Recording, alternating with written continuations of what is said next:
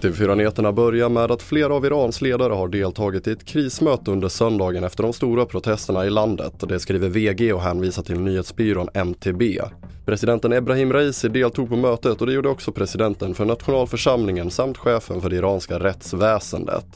I ett gemensamt uttalande uppmanar ledarna iranier att bevara nationens enhet och stå emot fientliga komplotter. Minst 185 människor har dödats under demonstrationerna.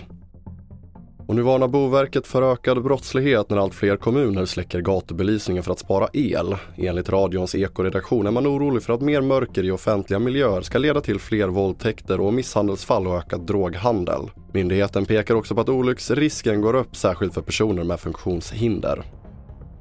Vi avslutar i USA där det har förekommit nya demonstrationer mot inskränkningen i aborträtten efter ett utslag i Högsta domstolen i somras. Det är inför mellanårsvalet om en månad som abortförespråkare ser chansen att påverka opinionen så att Demokraterna som vill försvara aborträtten får majoritet i kongressen. Om en ny lag röstas igenom där står den över beslutet i Högsta domstolen.